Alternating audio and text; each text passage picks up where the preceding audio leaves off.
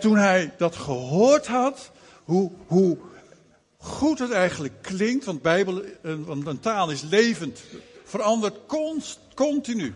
En daarom moet soms ook voor het begrip van, de, van deze tijd ook zijn Bijbel even aangepast worden. En dat was ook zo gedaan.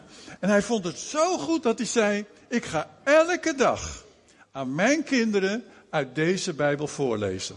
Is dat niet fantastisch? Ik was er zo blij van om dat te horen. Ik dacht, zo'n koning hebben we nou. Die elke dag, dus uit die Bijbel. Maar goed, we gaan samen lezen. We zijn blij met alle baby's, dat heeft Arenda al gezegd. Hè? Nou, weet je het nog? ik weet het nog, dat onze baby's geboren werden. En uh, wat fantastisch was dat. Maar weet u eigenlijk, weten jullie eigenlijk worden elk moment baby's geboren? Daar denk je zo niet over na. Maar weet je hoeveel baby's er in de wereld per seconde geboren worden? Nou, zeker wel vijf per seconde. 21, vijf baby's. Weet je hoeveel dat er zijn per minuut? Meer dan 250 baby's per minuut. En hoeveel denk je dat dat, dat op een dag is? Hoeveel baby's zouden er niet geboren worden op een dag?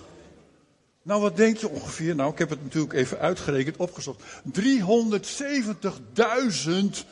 baby's.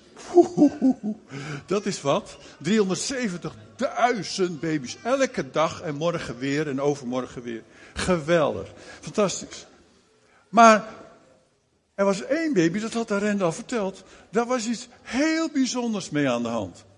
Die was anders dan al die duizenden en duizenden en miljoenen baby's die geboren waren. En uh, wat was er dan zo anders met die baby? Het was geen gewone baby. Want uh, nou, toen, uh, toen ons eerste werd geboren, zei Corrie op een gegeven moment van... Peter, ik denk dat wij over negen maanden papa en mama worden. En wat was ik blij. En toen ons eerst kleinkind eraan kwam, kregen we een kaartje. Jullie worden over negen maanden opa en oma. Nou, dat was ook al heel bijzonder. Maar bij deze baby, die baby Jezus, werd er een vooraankondiging gedaan. 700 jaar. Hallo?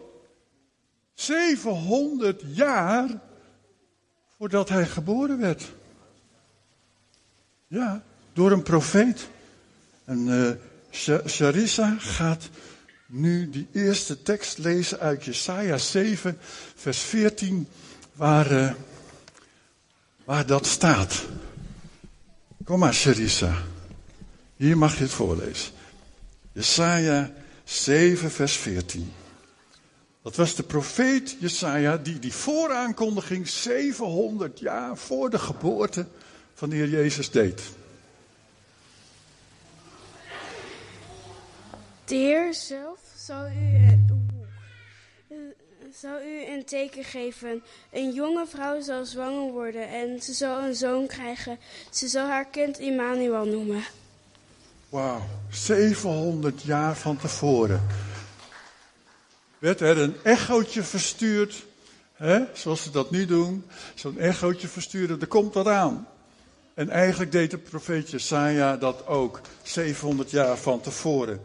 En uh, God gebruikte ook nog andere boodschappers rondom dit ene babytje. Nou, we weten dat er engelen aan te pas kwamen. Bij, bij onze kinderen zijn er geen engelen aan te pas gekomen. Ja, één engel, dat was Corrie. Maar Verder kwamen er niet veel engelen aan te pas. Maar er was één babytje in deze wereld waar engelen aan te pas kwamen om dat aan te kondigen. En uh, Rohan gaat dat lezen uit Lucas 1, vers 26 tot 23.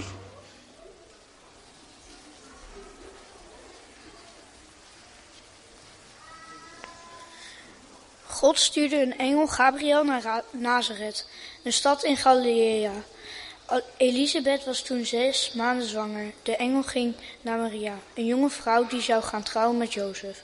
Jozef kwam uit de familie van koning David. De engel zei tegen Maria, ik groet je Maria, God heeft jou uitgekozen. Hij zal bij je zijn. Maria schrok van de woorden van de engel. Ze vroeg zich af wat hij bedoelde. En nog een volgend stukje door Carlo, die gaat het vervolg lezen. Tweede stukje, ja, kom maar Carlo.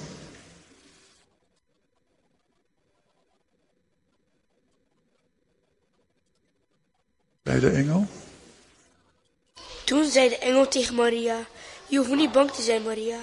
God heeft je uitgekozen voor iets moois. Je zult zwanger worden en een zoon krijgen. Je moet hem Jezus noemen. Jezus zal heel belangrijk zijn. Hij zal de zoon van de Allerhoogste God genoemd worden. En God, de Heer, zal hem koning maken, net zoals zijn voorvader David dat was. Jezus zal voor altijd koning van Israël zijn. Aan zijn macht komt geen einde. Maria is verbaasd. Maria zei tegen de engel, maar ik slaap nog niet met een man. Hoe kan ik dan zwanger worden? Nou, dit was dus geen gewone baby. Ja, alle baby's zijn even lief en even mooi en even knap. Maar dit was wel een hele bijzondere baby. God gebruikte zelfs engelen voor om het aan te kondigen dat hij geboren zou worden. En niet alleen engelen, hij koos ook nog een paar mensen uit die met de schapen bezig waren. We hebben dat net ook al gezien. En uh, we gaan uh, Dijon horen die dat even gaat vertellen. Uit Lucas 2, vers 8. Dat er dus ook nog anderen bij betrokken waren die God inschakelde. Waar ook engelen. Ja, Lucas 2, vers 8 tot 12. De nacht waren, die nacht waren er herders in de buurt van Bethlehem. Ze pasten buiten op hun schapen. Opeens stond er een engel tussen de herder en het licht van God straalde om hen heen. De herders werden bang, maar de engel zei, jullie hoeven niet bang te zijn, want ik breng jullie goed nieuws. Het hele volk zal daar blij mee zijn. Vandaag is jullie redder geboren, Christus, de Heer. Hij is geboren in Bethlehem, de stad van David. En zo kunnen jullie hem herkennen. Het kind ligt in een voederbak en is in een doek gewikkeld. Dankjewel, John. Nou, dat was dus al duidelijk dat het een heel bijzonder kind zou zijn. De redder der wereld. Maar het was ook geen bijzonder, het was ook geen gewone zwangerschap. Was helemaal geen gewone zwangerschap. Wij, wij, wij lezen in de Bijbel dat Jezus, dit babytje, die alles anders maakte in de wereld, geboren werd uit een maagd Maria. Nou, dat is een beetje lastig voor kinderen misschien, om dat te begrijpen, maagd Maria. Maar dat betekende dat ze nog nooit samen met Jozef had geslapen. Hoe kun je dan een kindje krijgen? Als je nog nooit samen met je man had geslapen. Dat kon dus niet. En wat zou Jozef wel niet gedacht uh, hebben toen hij toch, zonder dat hij met Maria geslapen had, plotseling haar buik dik, dik, dikker zag worden. Misschien dacht hij wel van, uh, je moet niet zo vaak naar McDonald's. Of zo. Misschien. Maar toen hadden ze nog geen McDonald's natuurlijk. Maar ik kan me daar wel zo bij voorstellen dat Jozef toch wel heel erg verward was eigenlijk over die situatie. Die omstandigheden waren helemaal niet gewoon. Het was ook geen gewoon babytje. Het was een heel bijzonder babytje. het, stel je voor, je kunt je ook afvragen, waarom heeft God eigenlijk Jezus laten komen, laten geboren worden, toen in die tijd? Waarom niet nu? Als ik God was, nu heb je televisie, nu heb je radio, televisie, nu heb je Facebook, dus als er nu iets heel bijzonders gebeurt, kun je dat heel snel over de hele wereld kun je dat vertellen. Maar dat was toen nog niet in die tijd. Dus God had er wel een reden voor, voor om het op die tijd te laten gebeuren. Blijkbaar was die tijd er klaar voor. En ook van, ja, de ouders die de zoon van God zouden moeten krijgen en opvoeden. Nou, als ik God geweest was, dan had ik dus wel even over, goed over nagedacht om eventjes toch wel een paar pedagogen uit te zoeken. Die op zijn minst uh, heel goed waren in kinderopvoeding. En uh, ja, van de universiteit hadden, waren afgestudeerd of zo. Hè? Om zijn zoon op te. Nou, maar Jozef was maar gewoon een timmerman. Hij werkte in de bouw. Ja. Sommigen denken dat hij meubelmaker was. Maar er zijn meer tekenen dat hij gewoon in de bouw werkt en dat Jezus hem gewoon hielp. Hele eenvoudige mensen. God gebruikte heel eenvoudig. Zoals hij ook jou en mij kan gebruiken. Maar God gebruikt eenvoudige mensen. En dan ook, hoe kwam het nou dat de omstandigheden er zo waren dat God Jezus in Bethlehem geboren deed worden? Als ik God was, dan zou ik minstens een stad hebben uitgekozen waar een academisch ziekenhuis was. Minstens. Amsterdam of zo, of Den Haag, het Bronovo ziekenhuis waar onze koninklijke kinderen allemaal geboren worden. En trouwens mijn twee kinderen ook. Uh, iets heel goeds. Ja, nee, die omstandigheden waren toch precies goed. Sarissa gaat er iets over lezen. Matthäus 1, vers 18.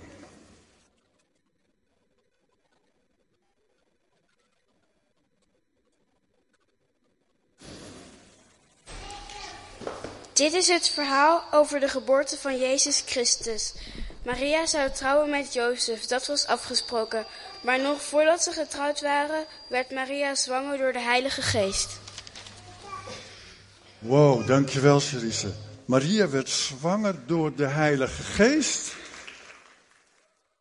Dat betekende dat aan de ene kant Jezus een ouder had, Maria, die mens was. En aan de andere kant een ouder had, God, de Heilige Geest, die God was. En daarom was Jezus zowel mens als gelijkertijd ook God.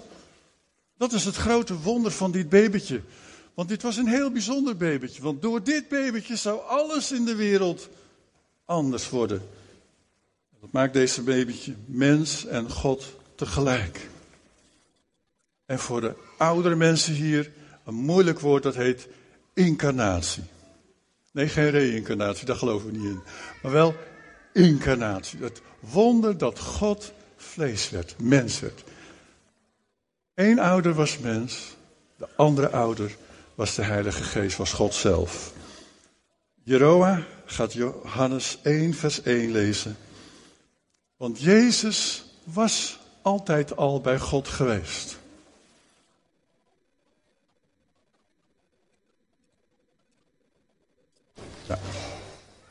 In het begin was God zoon Hij was bij God en hij was zelf God. Wauw, duidelijk hè? En dit babytje had ook een hele bijzondere opdracht gekregen, meegekregen toen hij naar deze wereld kwam. Een hele bijzondere opdracht. Eigenlijk hebben wij allemaal wel een opdracht meegekregen van God. Om voor Hem te leven en iets voor Hem te betekenen. En te betekenen voor alle mensen om ons heen. Maar Jezus, dit babytje, had een hele bijzondere opdracht. En uh, dat gaan we lezen. In, en Carlo gaat het lezen uit Matthäus 1, vers 21. Carlo? Kom het maar. Matthäus 1, vers 21. Maria zal een zoon krijgen. Je moet hem Jezus noemen. Hij zal zijn volk redden.